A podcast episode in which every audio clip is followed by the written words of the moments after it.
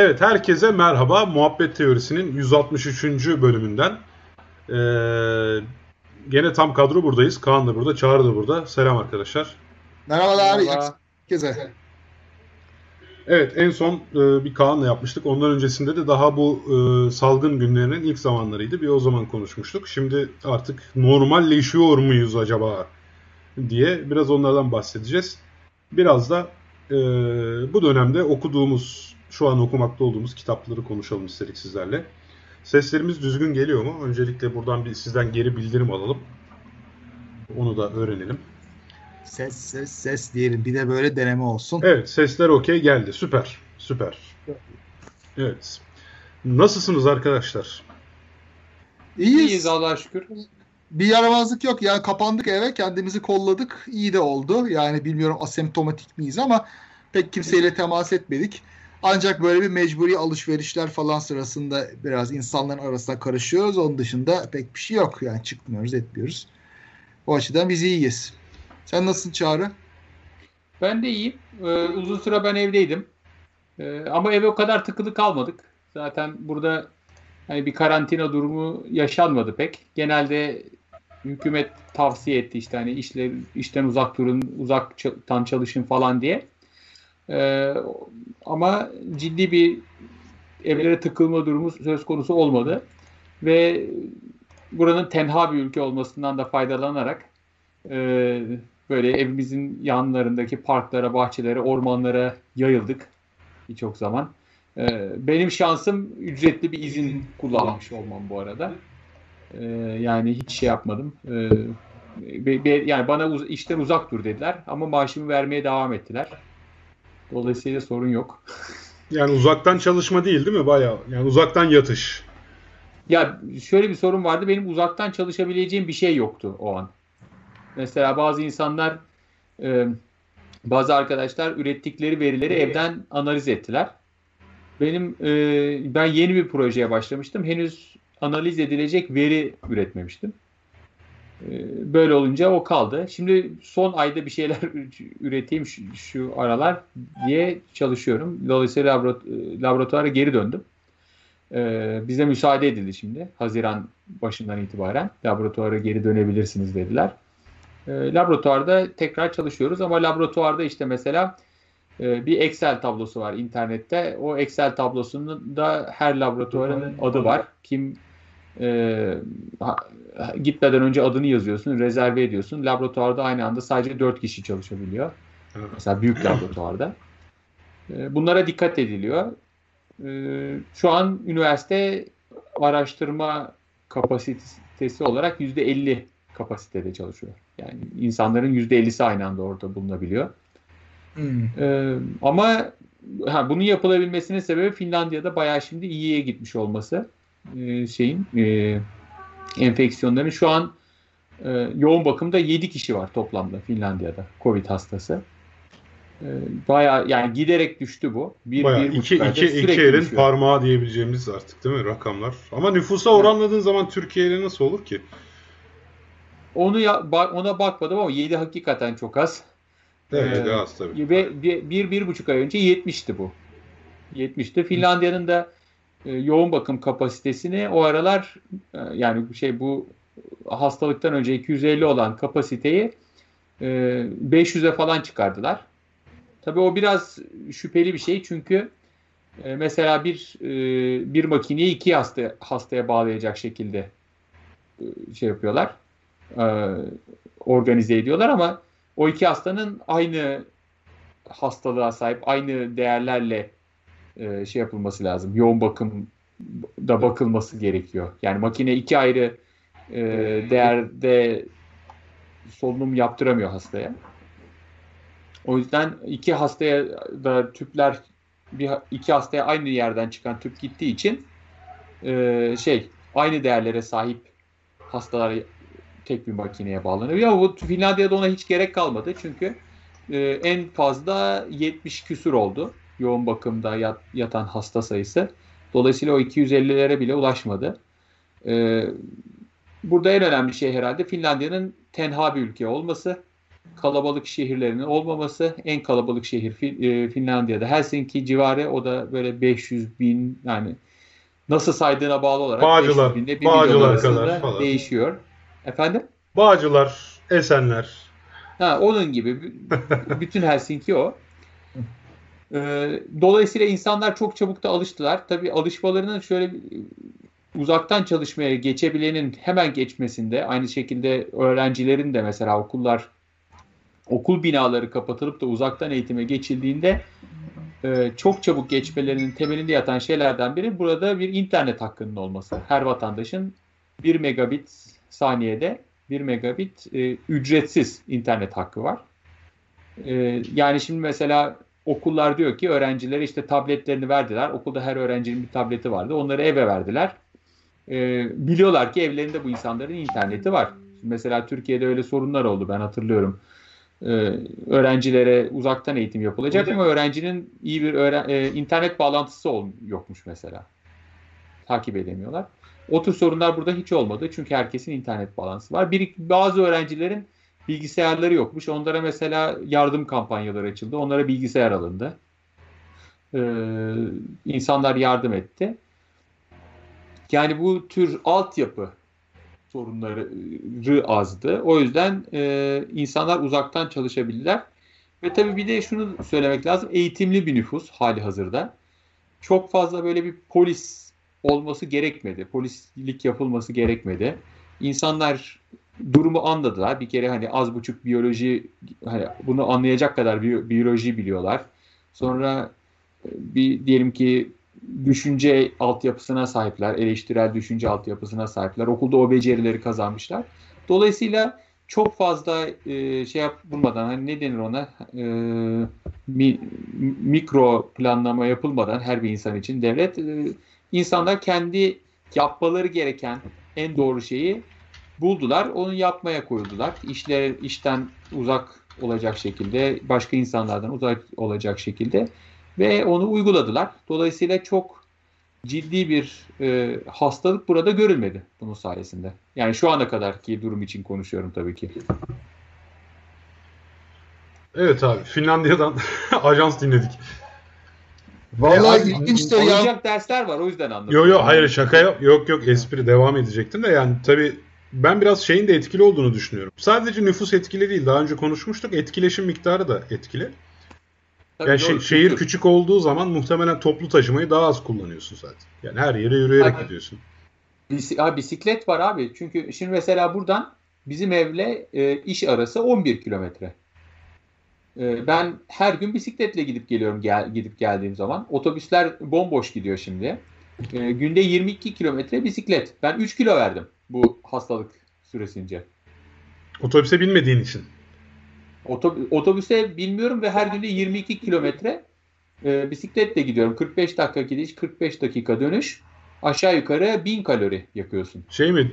Helsinki düzlük bir yer mi peki? Yani yokuş çıkma inme falan şeyi var mı? Evet çok ciddi bir yokuş yok. Var e, yol üstünde iki tane e, hani biraz nefesini zorlaman gereken iki nokta var benim mesela.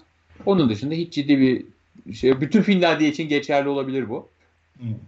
Ee, ve aralıksız bisiklet yolu var. Yani buradan ve onun yarısı da ormandan geçiyor. Orman içi patikalar. Ee, çok iç açıcı bir şey yani.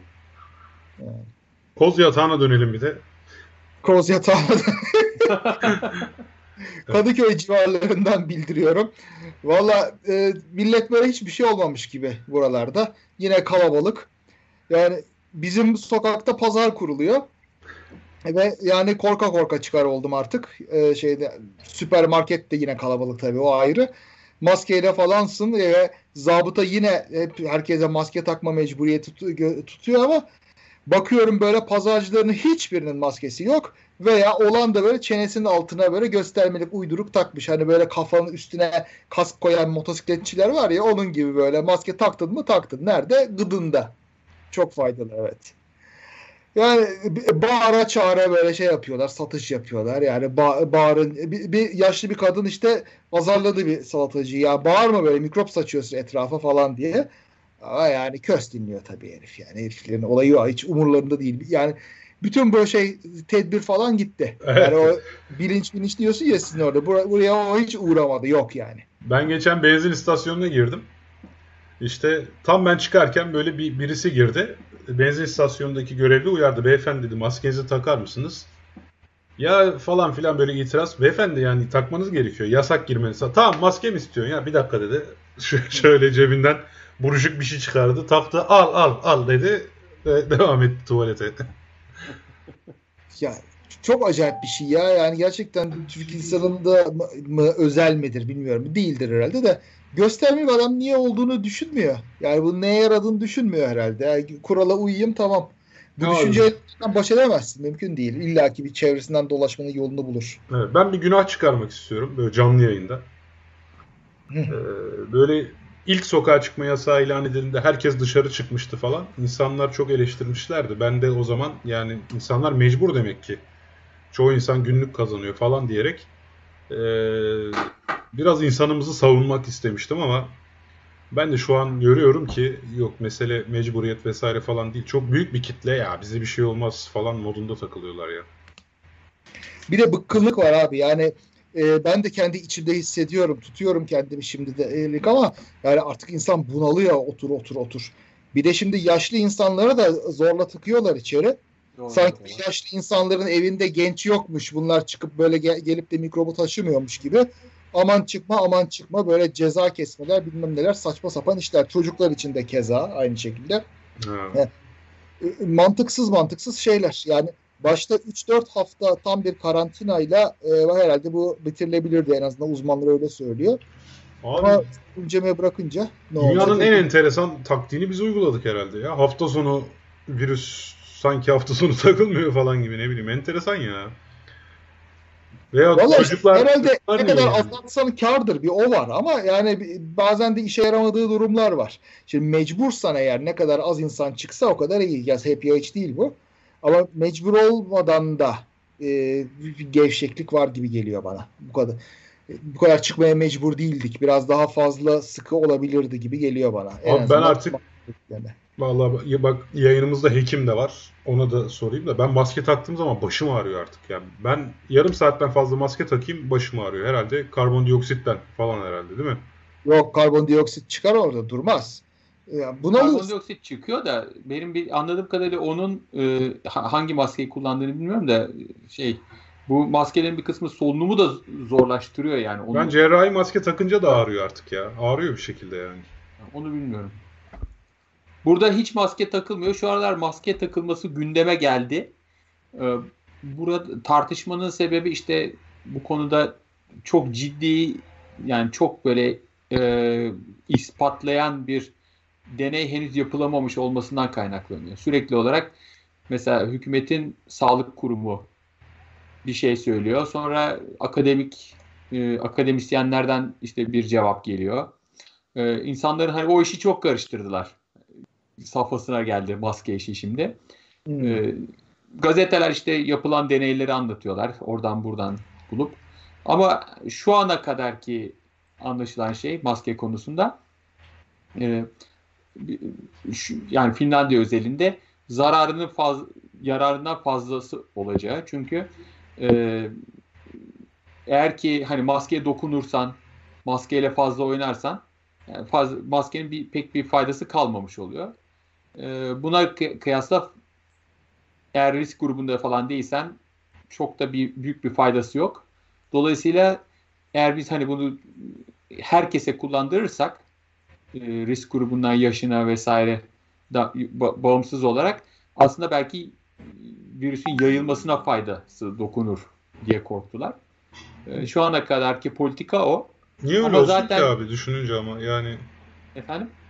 Ya neden o herkes şeydi, maske başta takınca fikir yayılmazsın oldu. ki yani? Daha sonra fikir değişti galiba. Yani ne kadar ya, e, takarsan az da olsa bir şekilde engelliyorsun sonuçta. Hiç yok yoktan iyidire döndü değil mi o düşünce dünya çapında? Ama işte mesela Türkiye kalabalık ülke e, orada insanlar yani birbirine çok yak- yaklaşıyorlar.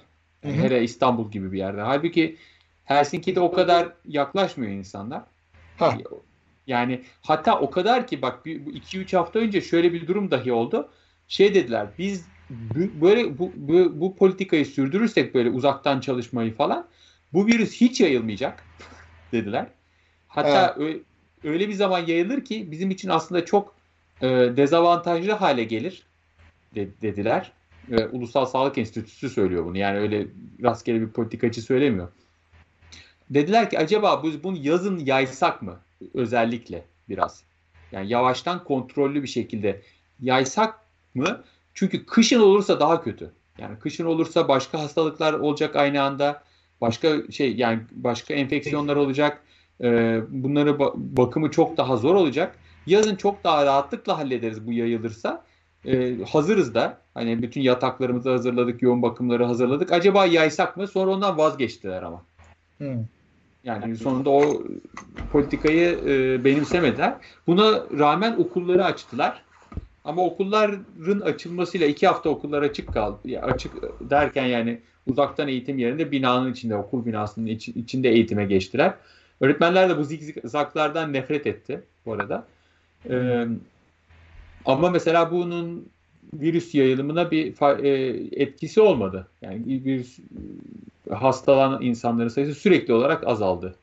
Şimdi o hani bu sonradan tekrar yayılır mı? İkinci dalga, üçüncü dalga gelecek diyorlar. Bunlar gelirse ne zaman gelir? O endişe ona yöneltilmiş durumda şu anda. O, ondan endişe ediyorlar. Yani pat diye bu Ekim ayında ortaya çıkarsa onu kontrol altına almak e, şey ilkbahar yaz aylarından daha zor olabilir diye üzülüyorlar. Neden? Neden? Kışın insanlar daha çok içeride oturmaya meyillidir. Daha kolay kontrol olmaz mı o zaman? Ama başka hastalıklar var aynı zamanda. Etrafta grip var mesela. Hmm. Ayırt etmen lazım. Ondan sonra e, o, insanlar aynı anda iki hastalığa birden yakalanabilir. Yani kışın daha fazla hasta olduğu için insanlar genel olarak. Anladım. Hmm. O zaman ortada bir de üstüne bu hastalık bilmesini istiyorlar. Ya bir de şimdi bizde tabii kızıyoruz yanlış yapıyorlar vesaire falan gibi ama bu hastalıkta bir sürü de bilinmeyen var. Yani evet, neye nasıl davranacağından da çok emin olamıyorsun. Çok önemli bir şey bu. Yani insan bilmiyorsun, zamanla öğreniyorsun. Aynı şey maske için. Yani maskelerin ile ilgili veriler büyük oranda önceki enfeksiyonlardan daha başka e, virüslerle yapılmış deneylerden elde edildiği için şimdi yeni deney yapıyorsun ama mesela kısa zamanda çok kontrollü iyi bir deney yapamıyorsun. Yaptığın deney diyelim ki e, hani adamı öksürtüyorlar şeye e, neydi o maskeye. Maskenin önünden arkasından mesela şey alıyorlar e, numune alıp onun içindeki virüs şeyine içeriğine bakıyorlar diyelim. Ama bu mesela gerçekten sen öksürdüğün zaman bir şey açık hava içerisinde veya kapalı bir ortamda bunun ne kadar gerçek hayatta ne kadar yayıldığını göstermiyor. Sadece belli bir yer bir parametre veriyor sana. Yani yapılan yapılabilen araştırmalar da sınırlı kısa zamanda. Dolayısıyla e, anlaşılması için zaman gerekiyor ama virüs açı, e, şey hastalık açısından da o sırada zamanla yarışıyorsun. Yani kolay iş değil. Değil. Aşı bulunabilir mi sence yakın zamanda? Takip ediyor musun o işleri? Bence o kadar çabuk. Finlandiya'da da var üzerinde çalışanlar. Ama hiç kimse öyle çok çabuk umut vermek istemiyor. Abi hmm. ne bileyim ben daha önce yani herhalde yanlış biliyormuşuz. Hani özellikle koronavirüs zaten tanınan bilinen virüslerden birisi olduğu için işte çok kısa sürede aşı üretilebiliyor diye demek ki yanlış bilgilenmişim zamanında. Hani Ebola'da, SARS'ta falan öyle şey olmadı mı ya da Zika'da ne bileyim. Yok sanıyorum o kadar kolay olmadı. Değil mi? Ya bir yerden yanlış bilgilenmişim demek ki. Çünkü hani bizim yalan savardaki tartışmaları Aysun'un anlattıklarını vesaire okuduğum zaman ben bu konuyu yanlış biliyormuşum demek ki diye düşünmüştüm. Zaman alıyor çok. Evet. Yani şu var aşı bulmak mı zaman alıyor güvenli bir aşı bulmak mı zaman alıyor?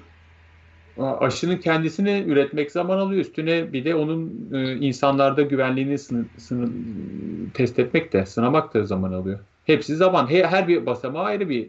Yani yok demek istediğim şu. Mesela şu an aşı üzerinde çalışanlar aslında virüsü öldüren ya da hani virüsün etkisini azaltan bir şeyler buldular ama bunun kullanımının insanda zarar yaratmadığından emin olma kısmında mı vakitle uzuyor yani? O kadar iyi bilmiyorum tam olarak. Yani şu andaki durumu bilmiyorum. Veyahut işte hani insanın sonuçta virüsün bir proteinini işte hani vücuttaki o bağışıklığı tetikleyen bir proteini zaten buldular ama hani bunun güvenlik kısmı mı vakit alıyor onu merak ediyorum. Yok bilmiyorum, Do- bilmiyorum dedin zaten. bilmiyorum şu an. Tam Evet, olarak aşı özelinde de nasıl bakıyorlar bilmiyorum. Tamam. Ama zaman aldığını söylüyorlar yani sürekli. Yani Evet, evet. öyle birkaç ayda halledilecek bir şey değil. En azından planlarını yani ihtimal çok yüksek ihtimal olmadığı için planlarını ona göre yap, yapmaman gerekiyor. Hı. Hani yarın bulurlarsa şahane kullanırız. Hani kimse reddetmez ama e, planlarımızı bu hemen bulunmayacağı göre yapmamız gerekiyor. Çünkü en büyük büyük ihtimalle bu hemen bulunmayacak. Peki aşı karşıtları kullanacak mı sizce bu aşıyı? Olmayacaklar mı? Olurlar. Olurlar. Olurlar değil mi? Bir kısmı kesin olur. Derler ki işte biz işte güvenli aşı istiyoruz. O yüzden işte aşı, aşı karşıtı değiliz derler. O, o şekilde kendilerini rasyonize eder, ederek bunu alırlar yani. Robert İşte De Niro öyle yaptı değil mi? Herhalde öyle. Yani yaptı Sonra mı? şey yaparlar işte bu fırsatı e, kollayarak hepimizi zehirlediler. Tabii. Çip taktılar, 20 yıl sonra, çip 20 yıl taktılar. sonra derler abi. 20 yıl sonra. Çip Evet. Vallahi öyle bir şey var şimdi. Çip- Çip takacaklar bize falan gibi bir şeyler dönüyor ortalıkta. Abi inanılmaz ya. İşte yani gerçekten televizyona çıkıyor herifler ve diyor ki işte IMF Afrika'ya borç verecek. Evet şartları arasında işte bütün vatandaşlara çip taktırılması var. Yani böyle bir şey yok ortada. Ama bunu konuşuyorlar varmış gibi. Benim ya. aklıma tıp fakültesinden çok komik bir anım geliyor ya. Bizim bir hocamız vardı. Ee, şey onkoloji uzmanıydı. Şimdi dahiliye stajında sürekli olarak işte muayene öğreniyorsun. Yani hasta başında hastayı nasıl muayene edersin sistematik olarak ve işte muayenenin bölümleri var. Diyelim ki işte e, deri muayenesi, e, göğüs muayenesi, akciğer, kalp muayenesi falan. E, hoca dedi ki işte sizinle dedi kalp muayenesi yaptık mı? Yaptık. İşte batın muayenesi, karın muayenesi yaptık mı? Yaptık. İşte bunlar ana bölümler. E, peki dedi e, başka ne muayenesi? Hocam işte hepsini yaptık sizinle dedik. Yani her hoca ayrı ayrı gösteriyor bunları. E, bir tek o çocuklar dedi ben size o zaman dedi baş muayenesi göstereyim dedi. Ondan sonra baş biz aklımıza gelmiş. İşte başın muayenesi çok önemlidir falan e, diye anlatmaya başladı. Biz de dinliyoruz. Yani 6 kişilik bir grubuz biz. E, muayene öğreneceğiz. Hastanın başında dikildik. Bize hoca hastanın üzerine baş muayenesi gösteriyor. Şey dedi e, bir noktada çocuklar dedi özellikle bakılması gereken yerlerden biri dil altıdır dedi. Dilin altında dedi e, bir takım patolojiler gizlenmiş olabilir. Bir takım işaretler gizlenmiş olabilir. Mesela ne olabilir sizce dedi. Şimdi aklımıza demek ki spesifik bir şey gelmesi gerekiyor. O an gelmiyor bizim aklımıza. Ama hoca da onkolog ya. Bizim bir arkadaş bağırdı arkadan. Tümör dedi böyle. Ondan sonra hoca baktı. "E, uzaylılar mikroçip de yerleştirmiş olabilir ama dedi. Daha sık şeyleri düşünelim önce dedi.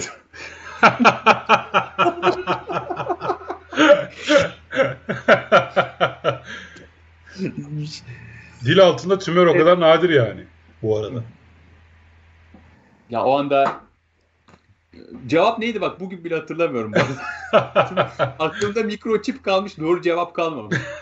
işte esprinin bazen olumsuz tarafları olabiliyor. Ya bir de şey e, mik- mikroçipe de aslında ihtiyaç da yok söyleyeyim sana. Şimdi e, çok şeyde olduğu gibi aslında gerçek tehlike e, gerçek demeyeyim de yani belki benim uydurmam. E, biraz küçümsenebiliyor bu komplo teorisyenleri tarafından. Karikatürize ediyorlar bir şeyleri, gülünç hale getiriyorlar ama onun altında yatan gerçek komplo veya tehlike gibi şeyler de göz önmez olabiliyor.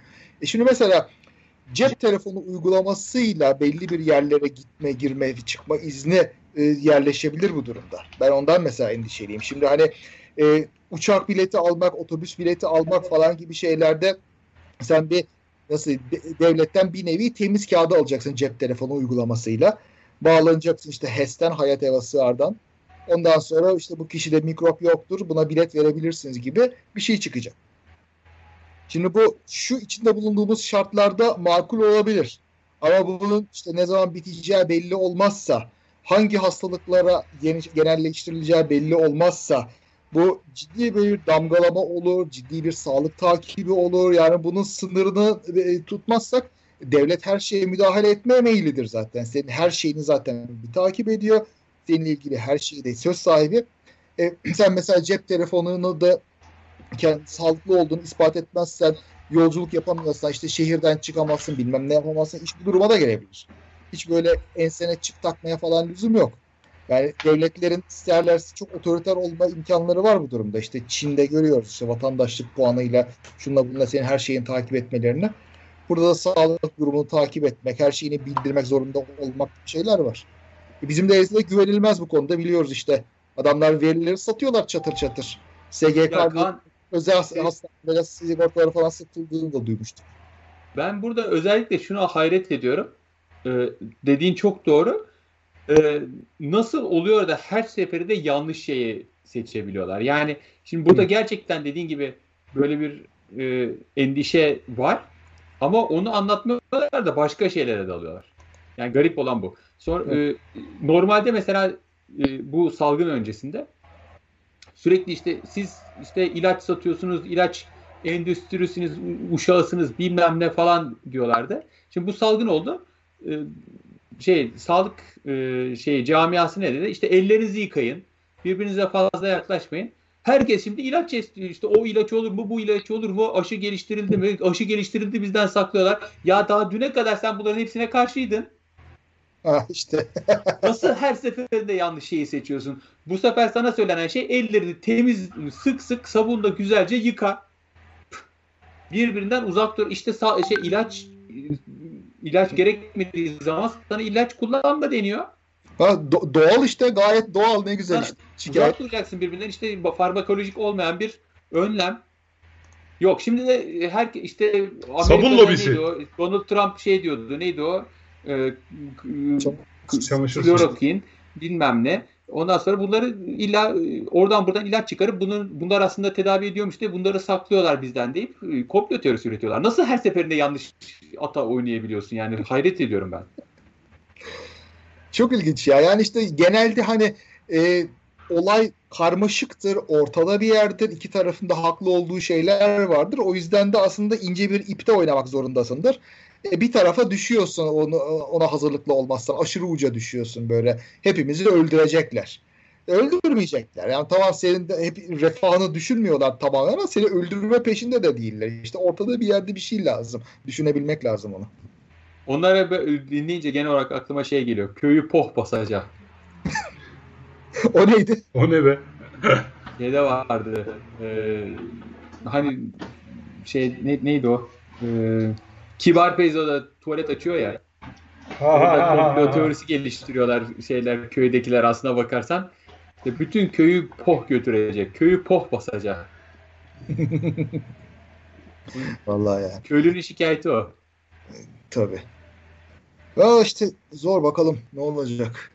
Peki nasıl geçiyor şeyde evden çalışmalar? Sen tabii çalışmıyorum dedin ama şey çocuk falan. Ya ben makaleyi gönderdim aslına bakarsan. Çocukla o çocuk dediğin önemli aslında. Çünkü e, sabahtan öğleye kadar çocuklarla uğraşmamız gerekiyordu eğitimle. Hmm. E, dolayısıyla mesela sabahtan öğleye kadar bloke durumdasın. Kimi? E, muhakkak tabii, tabii. biraz destek gerekiyor çocuklara. Göz kulak olman gerekiyor. Kaytarmamaları gerekiyor. Hmm. Onlara bakıyorduk. Öğleden sonra mesela e, e, bu işin yemeği var bilmem nesi var. E, biraz gezdirmesi var. Yani yok, bıraksan bütün gün telefonla da oynarlar da. Hmm. E, yani e, tam anlamıyla hem iş yapacağım hem de şey yapacağım neydi o e, çocuklara bakacağım falan gerçekçi değil. E, yapamadım o yüzden çok. Ama akşamları çalışarak kendi şu andaki projemin e, yani bitirdiğim geç bitirmek üzere olduğum projenin makalesini gönderdik. İşte ise o şimdi neredeyse kabul edildi. Ee, Çok güzel. İşte ise preprint pre, pre olarak çıktı bu arada. Dün galiba. Ee, hiç değilse şimdi artık veriler ortada yani. Ee, saklamıyoruz artık. Bir gün onu da yaparız aslında. Aklıma şimdi geliyor ha. Onu konuşuruz bir gün. Neyi Ya işte böyle şeylerde genel olarak konuşmuyorsun çok verilerin hakkında bir yayınlanmadan önce. Ha. Tabii. Yani biyoloji öyle. Biyoloji, biyomedikal bilimlerde öyle çok ulu orta anlatılmaz veriler. Vallahi Yani bir, bir sebebi de şu, birçok zaman yaptığın deneylerin kontrol deneyleri de hali hazırda sürmektedir. Yani sadece gizlilik açısından değil, hani başkaları kapmasın diye değil. Aynı zamanda hani bir hikaye ortaya koymak istiyorsundur. Ee, bilmem kaç tane de, deney daha yapacaksındır tam emin olmadan önce. Mesela şöyle bir şey oldu bizde. Ee, biz beyinleri boyuyoruz. Hı. Boyarken antikorlar kullanıyoruz. Şimdi antikor beyindeki bir moleküle gidiyor yapışıyor. Hı hı. Sonra o antikora karşı başka bir antikor da şey yapıyorsun. Yani iki kat antikorlarla o ikinci antikorun üzerinde boya var. Hı. Sonra sen mikroskopu e, özel bir mikroskopun altına koyduğun zaman o boya floresan boya. Karanlık oda içinde. E, lazerle o boyaları görebiliyorsun yerine. Dolayısıyla beynin içindeki molekülleri boyamış oluyorsun ve biz bir molekülün azaldığını bulduk. Hı. Ee, ama şimdi tabii bu e, tek bir veri ve çok da beklenmedik bir bulguydu bu bu arada. Ee, ne yapacağız? Bunu e, bunu nicelleştirme bir yolunu daha bulmamız lazım ve bu yaptığımızdan bağımsız olmalı. Mesela aynı antikoru kullanarak e, yapamazsın çünkü e, antikordan kaynaklanan bir sorun yaşıyorsan e, başka bir yöntemde aynı antikora dayanan başka bir yöntemde gene aynı sorunu yaşama ihtimalin var. Dolayısıyla ne yaptık? Mesela e, benim bulunduğum laboratuvarda bir başka arkadaş vardı. O mesela e, enzim aktivitesini ölçen bir yöntem biliyordu. Bu baktığımız proteini bir enzimdi. Dolayısıyla o antikoru kullanmadan çok başka bir yöntemle, tamamen başka bir şekilde çalışan bir yöntemle e, onu aynı sonucu bulduk. Ve iki grafiği yan yana koyduğun zaman neredeyse aynı. Süper. Çok İki iyi. ayrı deneyden elde edilen grafik. E, ama aynı şeye bakıyor. Hı hı. Dolayısıyla ama bunu geliştirmemiz falan yıl yani aylar aldı. Hatta bir yıldan fazla aldı. Sonucunu görmemiz. Ee, üzerinde çok çalıştık. Baksan sadece e, figür 1E. Ama aylarca çalışmak gerekti üzerinde. Ve ancak o sonucu aldıktan sonra biz e, elimizdeki veriden gerçekten çok emin olduk. Şimdi burada Levent Kırca gibi ekrana bakacağım ve biraz araştırmanı öneririm diyen arkadaşlara araştırmak böyle olur diye söyleyeceğim. Biraz o, la, o lafa çok e, sinir oluyorum ben de ya. Araştırmanı öneririm. Kaan'a. Kaan'a fizik bilmiyorsun. Rezonans ne hiç duydun mu? Araştırmanı öneririm falan diyenler oldu ya. Yani. Hayır ben bilmiyorumdur tamam da yani sen daha çok bil bari de senden öğreneyim. O da, o da yok. Yandan aslında cümle nazik bir cümle. Yani kızmı, kızmıyorum çünkü küfür edeni de var. Ama biraz bir yandan da küstah yani. Vallahi öyle. Ya Bir o şeyler- biraz araştırmanı önerimdeki araştırma da zaten Google'a yazmak abi. Şey değil ki. Doğru doğru. Araştırmaya atfettiğimiz anlam aynı değil yani. Evet evet. Ya oturdun yani. Neyse biz yani bu dönemde Ha bir de şöyle bir kalıp daha var ya. Yazdım. Makaleyi yazdım. Ee, makaleyi gönderdik. Hiç değilse makale evden gönderilebilecek bir şeydi. Dolayısıyla onu hallettik hiç değilse. İçimde kalmasın. Küçük küçük şöyle bir kalıp da var ya. Küçük bir internet araştırması ile bile ulaşılabilen bilgiler. Evet. Ya, Adam şey yazıyor yani. Küçük bir internet araştırması bile ulaşılabiliyor sen bilmiyorsun ha getiriyor yani. Laboratuvar Halbuki- araştırmasıyla ula- ulaşabilecek olsa Onun küçüğü yok abi. küçük bir laboratuvar araştırması bir yıllık bir proje sadece. Benim son zamanlarda e, girdiğim bir takım tartışmalarda şöyle bir şey oluyor. Diyorum ki bir örnek verir misiniz diyorum. Veriyor örneği. Ondan sonra diyorum ki yani bakın şu örnek çok bariz bir şekilde hatalı. Ondan sonra diyor ki bir örnekten yola çıkarak e, işte diyor sen bunu diyor şey yapabileceğin ya sana örnek sordum verdiğin tek örnek bu. Ve muhtemelen de en iyi örnek. Hayır zaten bir örnekten sonucu o varmış aslında. Ha, zaten o varmış oluyor. Bana şu gelmişti mesela e, bir neydi o? E, Fince ile Türkçenin bağlantısı yok diyorum. Şey olarak e, neydi o? E, ispat olarak şunu yazmışlar. E, Fince'de de Türkçe'de de ciddi söylüyorum. Bunu yazmışlardı. Sonra sildiler. E, ben alay edince. E, ay kelimesi ay kelimesi Fince'de ku, Türkçe'de ay. Hiç benzerliği yok. Ama Hı. süre o hani 30 günlük süre anlamındaki ay ile gök cismi olan ay her iki dilde de aynıymış. Birbiriyle. Peki. Aynıymış derken aynı mı peki? Ay. Fince'de de ku hem ay demek hani 30 günlük ha, 30 gün. Ama e, ha, şey ha, gökteki ha, cisim de ku. Tamam. Gök cismi olan ay. Türkçe'de ay ve ay. Evet tamam. Sesteşlik var yani. Sesteşlikte ortaklık var. Abi bunlar arasında bir şey kavramsal bağlantı var yani. Zaten evet ha, ben de onu diyecektim. Ya, yani ay, değil ay, yani. İşte tam yarı bir aylık süre. Ha, yani o, o sebebi var. Adam diyor ki iki dil ondan sonra ben bunu söyleyince de diyor ki e, bunu aksini ispat ederek diyor bütün teoriyi ispat aksini ispat edebileceğini mi zannediyorsun diyor mesela. Niye sen aksini ispat edesin ki zaten? Hayır ben zaten ama komik olan yani o kadar yanlış bir örnek ver. Yani bir tane örnek verebilirdin. O da bu oldu yani. E İngilizce de o zaman Türkçe ile aynı evet. kök. Onda da var aynı şey. Hemen hemen her dilde. Abi yani. zaten yani e, yani hatta 100 tane daha böyle örnek bulsam bile yani zamanda bu iki millet arasında kültürel alışveriş olduğu sonucundan şüphelenirsin. Önce yani zaten düşününce. Neyse Yok, senin nasıl geçiyor abi? Koz yasa. Bir ayın e, gök ayda ayın dünya çevresindeki şeyinle orantılı olmuş olması yani. Bu kadar basit bence yani. Hmm. Aralarında bir doğrudan bağlantı olan kavramlar bunlar. Ya çok ilginçtir. Böyle şeyleri bulmaya çok meraklılar var. Bu ta şeye 30'lara dayanıyor aslında. Bu güneş dil teorisine falan dayanıyor. Şimdi mesela Aztekçe'de yok işte Çapultepek, Çapul Tepesi. Demek ki işte Türkçe falan gibi bir şeyler çıkartmışlardı. Böyle e, Atatürk zamanında orada e, konsolosluk yapan Maya Tepe. E, Şükrü müydü adı unuttum. İşte konsolos. Evet, evet öyle bir şey var. Yerlemişti göndermişti falan. Bunun da kökünün batık Mu kıtasına dayandığı falan gibi şeyler uydurmuşlardı. O zamanlar tabii moda böyle şeyler. Hem moda hem de az bilinen. Yani bir, bir noktada bunun ben doğru olduğunu düşünüyorum. İlk başta hipotez olarak mesela bunu 18. E, pardon 19. asırda e, ortaya atıyorlar. Diyorlar ki Fince ile Türkçe arasında bir takım benzerlikler var. Bunlar aynı kökenden geliyor. Acaba olabilir mi?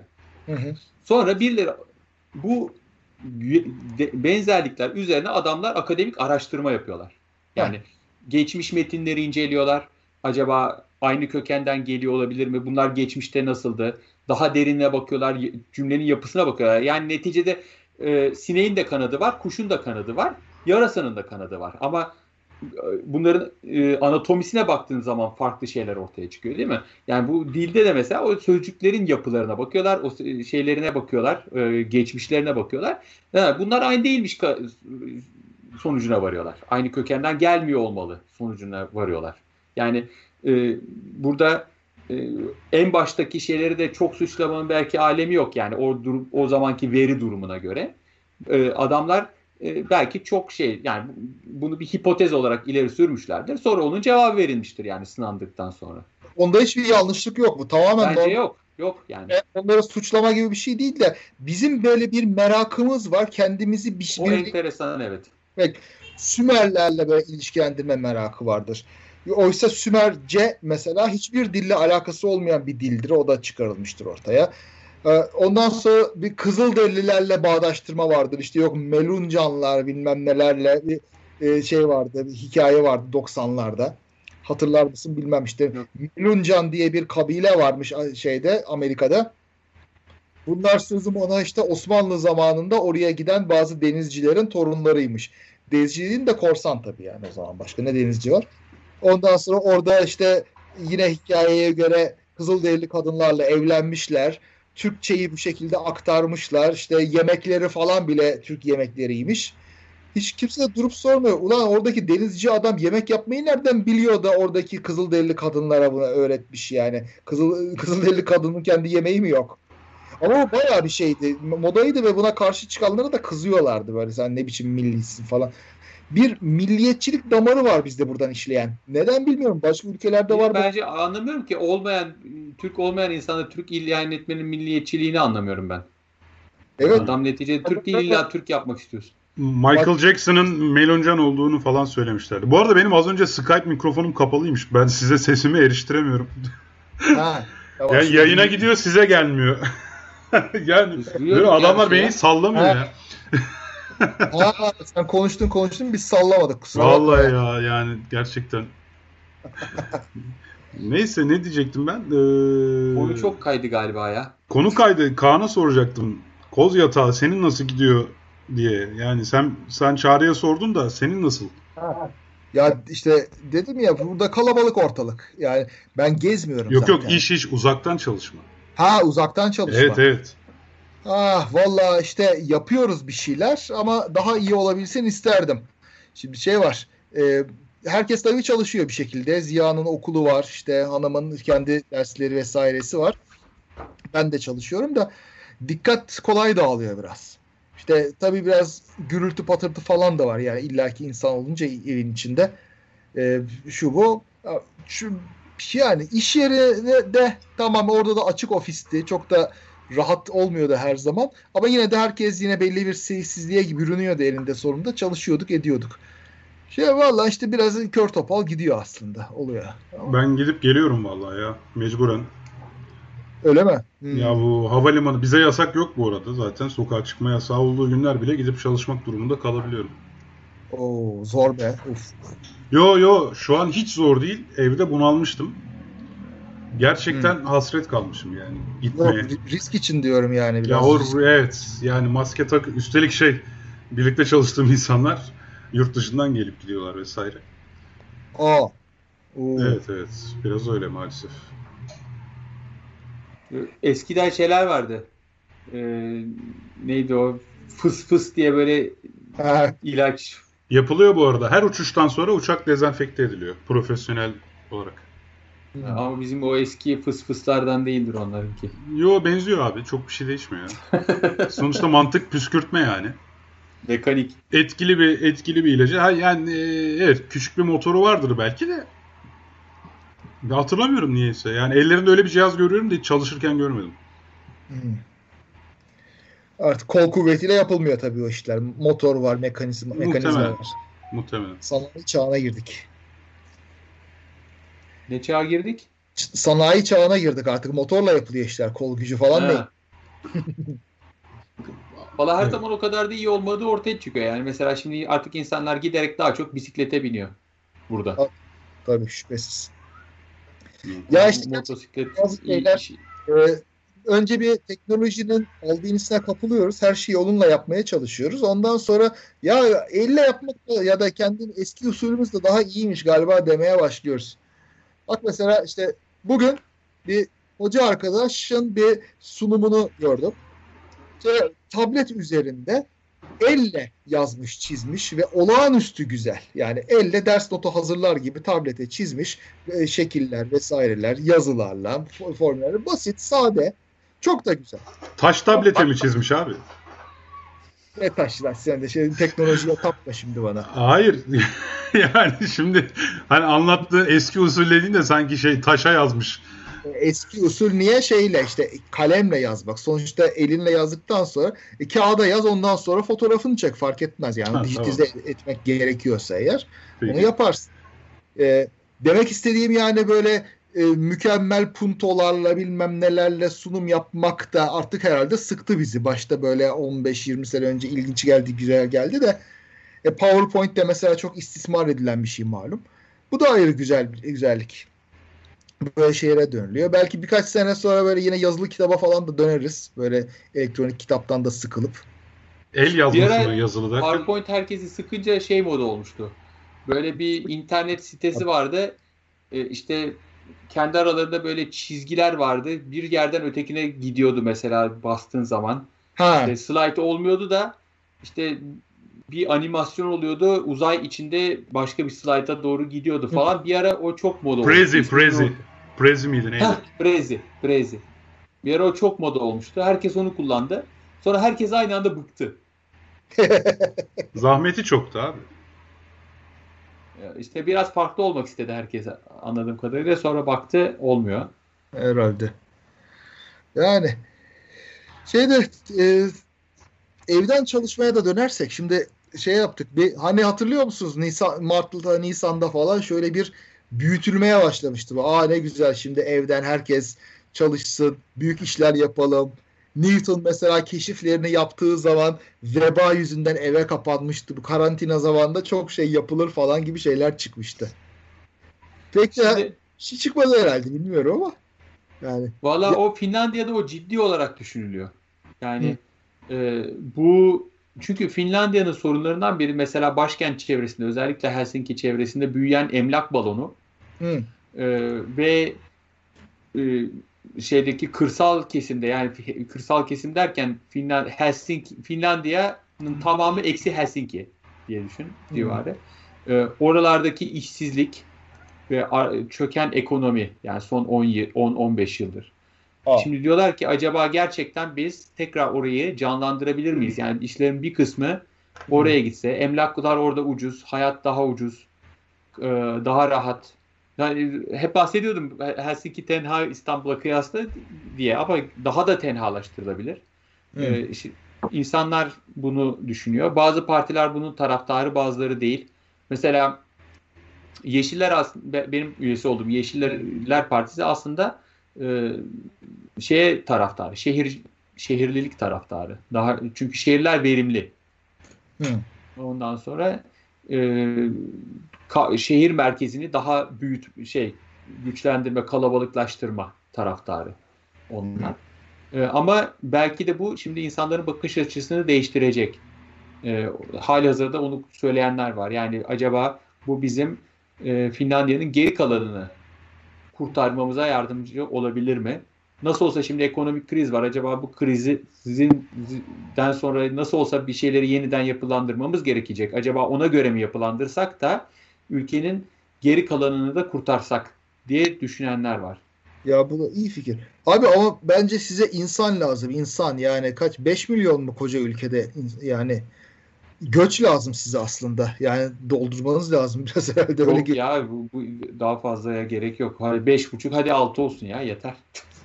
Çok işte ama şey ne bileyim ben bir yerden sonra ekip biçecek adam bulamayabilirsiniz yani. Onun için diyorum.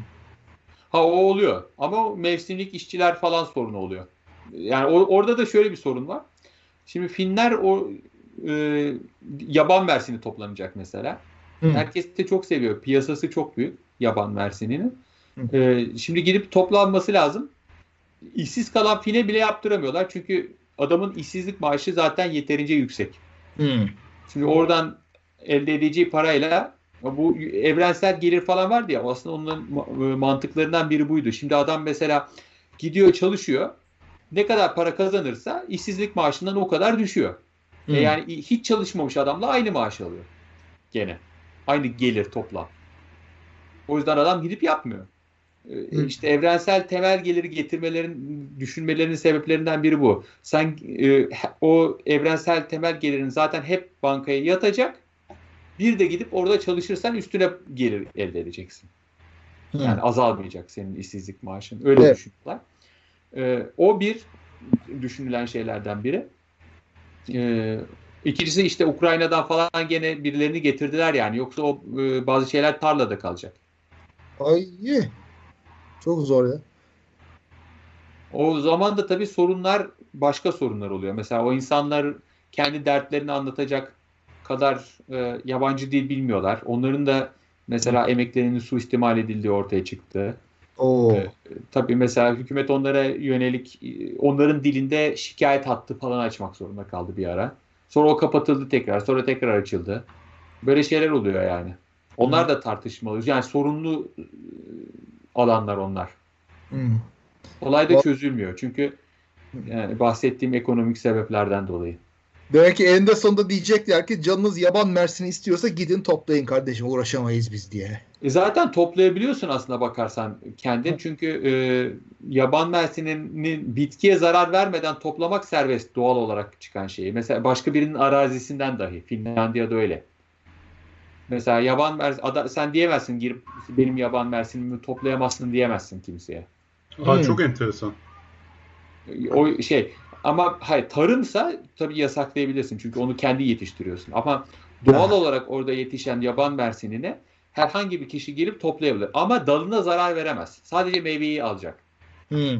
Kıra kıra alamaz. Anladım. Kıra kıra alamaz. O şeyi zorlaştırıyor mesela. Önemli bir şey nokta bu. Ee, o yaban mersinlerini tabii böyle birer birer toplayamazsın. Onun böyle fırça gibi şeyler var. Böyle bir şey yapıyorsun. O bitkiyi yi böyle şey parmaklar gibi düşün. Şöyle Ha. alıyor. Sadece yaban çektiği zaman yaban mersinlerini yani meyveler sadece yukarıda kalıyor. Dallar süzülüp gidiyor. Hı. Ama o dallara zarar veriyor. O yasa dışı. Aa, Anlatabiliyor muyum? evet. Onu Evet. mesela özel arazide kullanamıyorlar. Hmm. Ama özel olmayan kamu arazisinde dallara zarar ver- vermek serbest öyle mi? Yani o orası orman diyelim ki zaten. Ceza yok. Yani. Or- orada bir sorun yok. O ama özel birinin arazisinde şikayet ederse başın derde girer. Hmm. Ee, daldan bir şey alabilirsin ama dalı kıramazsın. Yavan mersini de orman meyvesi. Çok arsızdır herhalde zaten. Her yerde her yerde çıkıyordur yani. Böğürtlen Çıkıyor, gibi. Çok çıkıyor. Tabii tabii. Yani biz bazen çocukları yormak için çocuklarla çünkü vakit geçirmen lazım. Mevsiminde bir salıyoruz çocukları. Yarısını yiye yiye e, toplayıp duruyorlar. Size yakın mı or- onlar o ormanlar falan? E, sokağın öteki tarafı abi. Çok iyiymiş. Sokaktan karşıya geçiyoruz. Ha. Bizim mahallenin kendi işte iki tane tavşanı falan da var. Bol bol sincapımız var. Oh. İyi. Yani sa- ormanın içinde yaşıyoruz. Hani şey diyorum ya mesela kapıdan çıkıyorum kilometrelerce kimseyle karşılaşmadan orman içinde yürüyebilirsin yani. Bu o kadar tenha burası. Hmm. Süper bir yer o açıdan. Yani her yer Helsinki merkezinde bu da ormanlar falan yani parklar, bahçeler, koruluk diyelim. Koruluklar var ama bu kadar e, biz şimdi banyoda oturmanın tadını çıkarıyoruz. E, çünkü gerçekten çıkıp çok fazla e, şey bulabiliyoruz. E, kimsenin olmadığı orman, orman koruluklar falan bulabiliyoruz. Çok rahat. Arabaya bile binmemize gerek yok. Harikaymış. Şimdi ben bu dünya çapında bu uzaktan çalışmanın akıbetini merak ediyorum. Ya şimdi e, bir başlayınca böyle devam edecek mi acaba? Yoksa şi- şirket yöneticileri yok hadi eski hale dönüyoruz diyecek mi? Çalışanlar ya böyle de oluyormuş hadi böyle devam edelim diyecekler mi? İşte e, şirket yöneticileri için bu işin teşviki ne olacak işte ne bileyim daha az insan getirmek da ona göre masrafları azaltmak gibi teşvikler olacak mı diye merak ediyorum. Türkiye'de, dünyada vesairede işte. Tabii işlerin tabiatına bağlı. Uzaktan tabii. yapılan işler var. İmalat, imalat işleri yani kol gücüyle yapılan işler uzaktan yapılma diye bir mesele yok. O ancak beyaz yakalı bizim gibi e, insanlarla alakalı. Ama yani şu da var. Bazı şeyler asla yüz yüze görüşmenin yerini tutmuyor ya. Niye bilmiyorum. Ya bu alışkanlıktan da olabilir ama yeni nesil bunu yapabiliyor olabilir. Ama bizim için yani bazı önemli meseleleri Skype'tan konuşunca konuşmamışız gibi geliyor. Ya da yani konuşup o an aksiyona geçemiyoruz. Çünkü aksiyona geçmek için de iş yerinde olmamız lazım. Yani tam Burada öyle değil. bir şeyim yok yani. Yani kültürle alakalı. Yok kültür Evet. değil abi. Şimdi sen toplantıda konuşuyorsun. Aa bir dakika o uçakta şu var mıydı diyorsun. Ne yapacaksın? Yani gidip bakamıyorum ki o an. Ha. Ha ama o fiziki bir şey canım yani. Ya evet o yüzden diyorum. Yani toplantıyı yapsak da o verimli olmuyor. Çünkü aslında konuştuğun konular, yaptığın işin tabiatı bir noktada yani senin işte bir noktada laboratuvarda olma zorunluluğun gibi. Yani her teknik konuyu şeyde tartışabilirsin ama bir noktası laboratuvara değecek onun. Ve bir nok o noktada yani laboratuvarda olman gerekecek belki. Bakman gerekecek. Bir evraka bakman gerekecek belki. Bilemiyorum yani. Ya şimdi evrakının hepsi bilgisayarındaysa işte ne bileyim bulutta falansa toplantıda da bakarsın. Yani uzaktan çalışırken de bakarsın. Belki buna göre evrilecek işler. Yani ofisteki klasörlerde durmayacak da bulutta duracak her Zaten şey. şimdi her şeyi buluta taşıyoruz sırf bunun için. Hatta yani Sivil Havacılık Genel Müdürlüğü de sağ olsun. Bütün yüz yüze yapılması gereken eğitim ve toplantıların online yapılabileceği ile ilgili bir genelge yayınladı. Hı. Ee, bir de biz artık şimdi kalemli telefonlarla elektronik imza atıyoruz. Aslını istemiyorlar. Yani o açıdan kolaylaştı bazı şeyler. Güzel. O zaman bu tutar gibi görünüyor ya bu gidişle. Dur bakalım. Valla ötekisi için de yani laboratuvar işi için sorduğun için diyorum mesela. e, Hı hı. orada da çok ciddi bir problem görmüyorum. Neticede laboratuvarda gö, gö, görmen gereken bir şeyi e, o, onun için bir randevu alıp bir kişi, karşındaki kişiyle sadece o şeyi çözüp dağılabilirsin yani tekrar. İşte sen Helsinki'de oturup 11 kilometre kimseyle karşılaşmadan işe gittiğin için tabii böyle söylüyorsun da İstanbul'da işe gidip gelmek öyle kolay değil. Yani neticede ben de 45 dakika bisikletle gidiyorum. 45 dakika dönüyorum yani. Yani otomobile binsen 5 dakikada gidersin ama muhtemelen. Hadi bilemedin o. Ya işte buradaki sorun ya şu var. Ben daha genel bir şeyden bahsetmek istiyorum ama. Yani iş yerindeyken hani kimi zaman aklına bir şey gelir ve evet o ona bir bakayım diyebilirsin sonuçta ve yani iş yerinde abi gün boyu ofisinde 12 saat ofisinde geçiriyorsan problem yok. İşinin tabiatı öyleyse. Ama Hı. işinin tabiatı beyaz yakalılık olsa bile yani çoğunlukla hizmet veya akıl gücüyle çalışıyor olsan bile iş yerinde e, her zaman 12 saat masa başında harcamıyorsun bazı işlerde.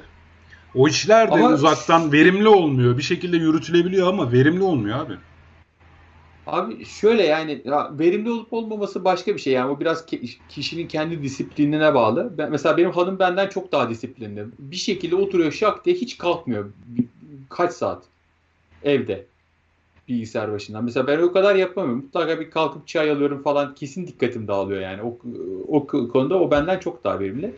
Ama şöyle bir tarafı da var. Ee, şimdi bizim laboratuvarları küçültmedik ama kapasitesi azaldı mecburen. Çünkü aynı anda daha çok daha az insan girebiliyor. Ne yaptık? Rezervasyon sistemi kurduk. Belki e, yani aynı anda sadece 4 kişi girebiliyor diye ki o kadar da her zaman gitmiyor. E, ne ne olabilir? Mesela e, şirketler belki e, kendi ofis masraflarını kiradan bahsediyorum mesela daha küçük ofisler tutarlar. E, ne yaparsın? Senin aslında haftada mesela bir kere ofise gitmen gerek, gerekecektir toplam veya işte laboratuvara neyse. E, adamın her gün o kadar kişinin alacak kadar e, bir, bir yer tutması gerekmeyecektir artık şirketin.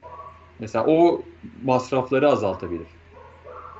Evet bu durumda işte herkesin kendi masası sabit eşyalarını koyacağı bir şey olmayacak. Masalar ha. Gelen kullanacak falan gibi bir şey olacak. E şimdi o da evet, tehlikeli o... ama. Yani Covid kapsamında düşünürsen o da tehlikeli. Senden Yok, iki saat önce o masaya kim oturdu? Öyledir. Laboratuvarda muhakkak surette şey kendi e, yani e, birçok kişinin kendi bazı laboratuvarlarda insanların kendi tezgahları vardır herkesin. Bazılarında yoktur. E, o laboratuvar muhakkak surette zaten tezgahı temizle temiz bırakmak görevindir. Yani sen bir şey bütün pılını pırtını toplayıp çıkarsın. Mesela şey hücre kültürü tezgahları öyledir, özeldir. E, zaten çok pahalı. E, onu e, oradan ayrılırken her tarafını, bütün camlarını, bilmem nelerini e, alkolle temizleyerek bırakırsın. Yani bu, bu standart zaten Covid öncesi de böyleydi. Evet, evet. böyle. Yani evet, laboratuvar için tabii ki öyledir. E, yani onu, bu, bence bunu başkalarına uygulamak çok da zor değil. Hmm. Basit önlemler yani nispeten. Doğru, Tabii. doğru. Doğru. Ona, ona gideceğiz herhalde yavaş yavaş. Yani en azından mesela teknoloji şirketleri, bilgisayarda çalışan işler falan. E, değil mi? Bizim şirket mesela uzun zamandır uzaktan çalışıyor ve yürüyor da işler. Herhalde bunun benzeri falan olabilir yapabilen şirketler yapacak. Ama mesela şimdi şimdi ben aslında bak ona gelecektim. Senin sektörünle de alakalı Kaan. Ee, o da şu. Şimdi dünyada birden şöyle bir eğilim başlamıştı. Satın almak yerine kiralamak. Evet. İşte e, önce bu e-ofisler şeklinde ortaya çıktı. İşte zaten Spotify'dan abone oluyoruz. Artık CD almıyoruz. Film almıyoruz. Netflix'e abone oluyoruz vesaire ama işte bunun yanı sıra paylaşımlı arabalar falan çıkmıştı. Hı hı. Hatta şey bile düşünülüyordu. Yani böyle bazı araştırmalar var. İnsanlar bir matkap satın alıyormuş. Ömür boyu onu sadece bir kere kullanıyormuş. Ha, yani tabii. bir defa kullanmak için o matkabı satın alıyorsun falan. Acaba hani e, her mahallede böyle saatlik iş makinesi kiralayabileceğin, el aleti kiralayabileceğin yerler falan çıkar mı falan diye düşünülüyordu. Şimdi bu Covid biraz bunu da şey yapabilir gibi geliyor. Eğer Çağrı'nın dediği gibi bir disiplin ve önlem sistemi gelişmezse tabii laboratuvarlardaki gibi. Yani şimdi artık başkasının kullandığı bir şeye zaten hani çoğumuzun annesinde olan aman elin eşyasını ne yapayım ben gider sıfır alırım tertemiz falan. Hani ikinci el eşya Türkiye'de çok tutmaz Amerika'daki gibi falan ya. İnsanlar başkasının kullandığı şeyden tiksinirler. Tekrar bu gelecek gibi geliyor bana. Yani bu tür ekonomiler biraz zarar görecek gibi geliyor. Ya ba- bana da öyle geliyor. Şimdi mesela bu Airbnb falan artık mesela eskisi kadar revaçta olmaz muhtemelen. Ben niye el alemin evinde kalayım olur. Ee, işte Uber'di, şuydu buydu, taksiler, genelde ulaşım tabii zarar görür. Bizim sektör işte araç kiralama sektörü buna biraz ayak uydurdu.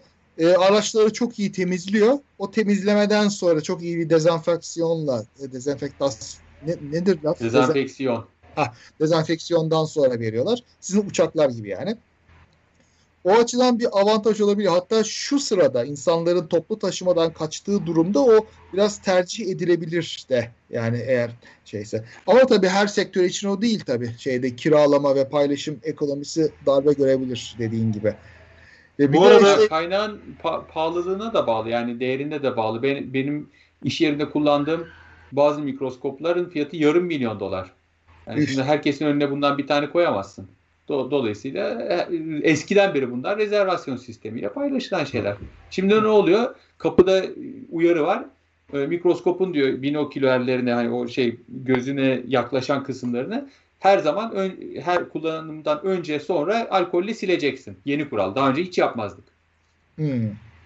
Bu arada yani dinleyicilerden birisi göz, çok göz... enteresan bir şeye dikkat çekmiş. Ee, yeni bakıyorum yorumlara da. Betül Ferikoğlu demiş ki adam San Francisco'da 200 bin dolarla maaşla çalıştıracağı skill set'teki bir mühendisi Sırbistan'da 50, 50 bin euroya yaptıracak demiş. Yani şunu eğer ki patronlar bir şekilde zaten uzaktan çalışma sistemine geçtiyse artık yerelde kalma zorunlu hissetmez ki çalışan insan kaynağı bakımından.